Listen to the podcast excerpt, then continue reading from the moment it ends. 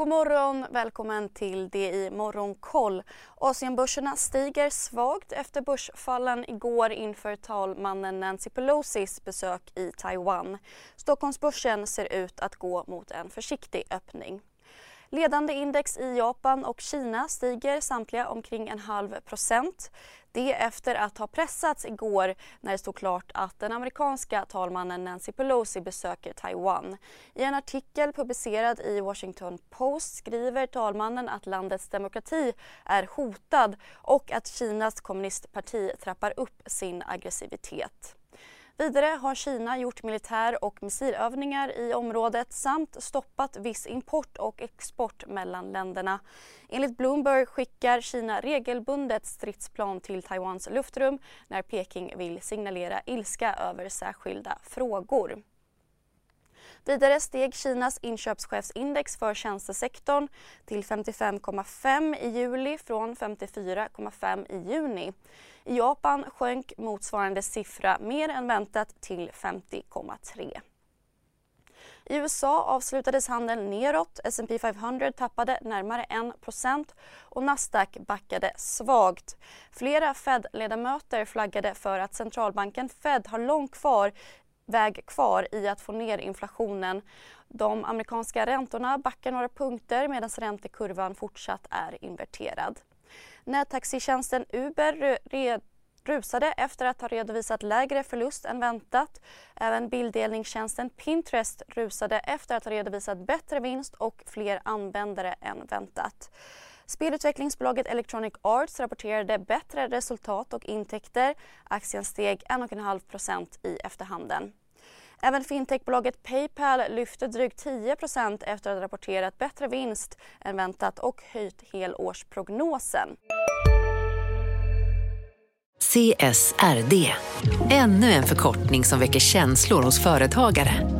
Men lugn, våra rådgivare här på PWC har koll på det som din verksamhet berörs av. Från hållbarhetslösningar och nya regelverk till affärsutveckling och ansvarsfulla AI-strategier. Välkommen till PWC.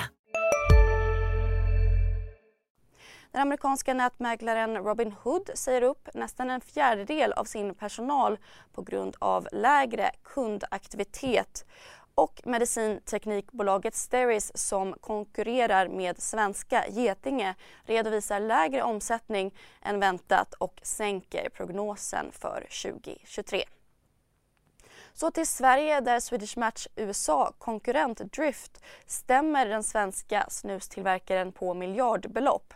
Konkurrenten anser att Swedish Match väckt olagliga åtal mot bolaget i syfte att försvåra bolagets förmåga att konkurrera med dem.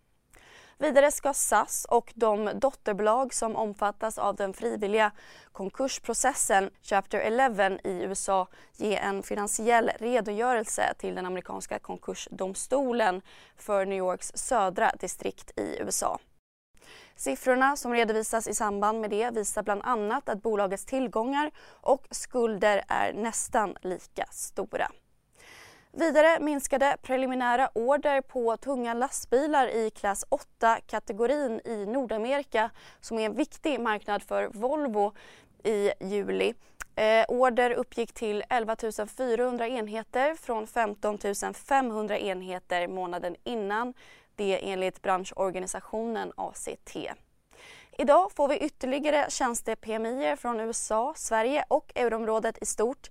Vidare rapporteras detaljhandeln och producentpriser från euroområdet.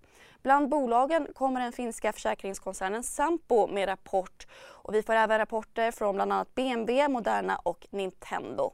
Idag ska även USAs senat rösta om Sveriges NATO-ansökan efter en debatt som sätter igång klockan halv åtta ikväll. Och så sänds nyheter igen klockan tio.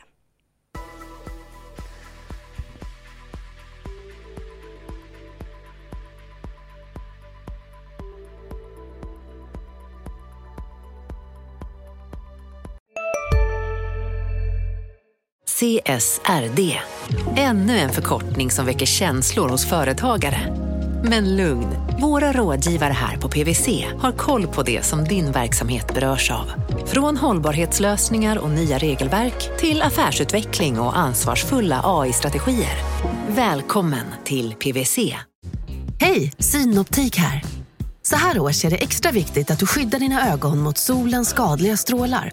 Därför får du just nu 50% på ett par solglasögon i din styrka när du köper glasögon hos oss på Synoptik. Boka tid och läs mer på synoptik.se. Välkommen!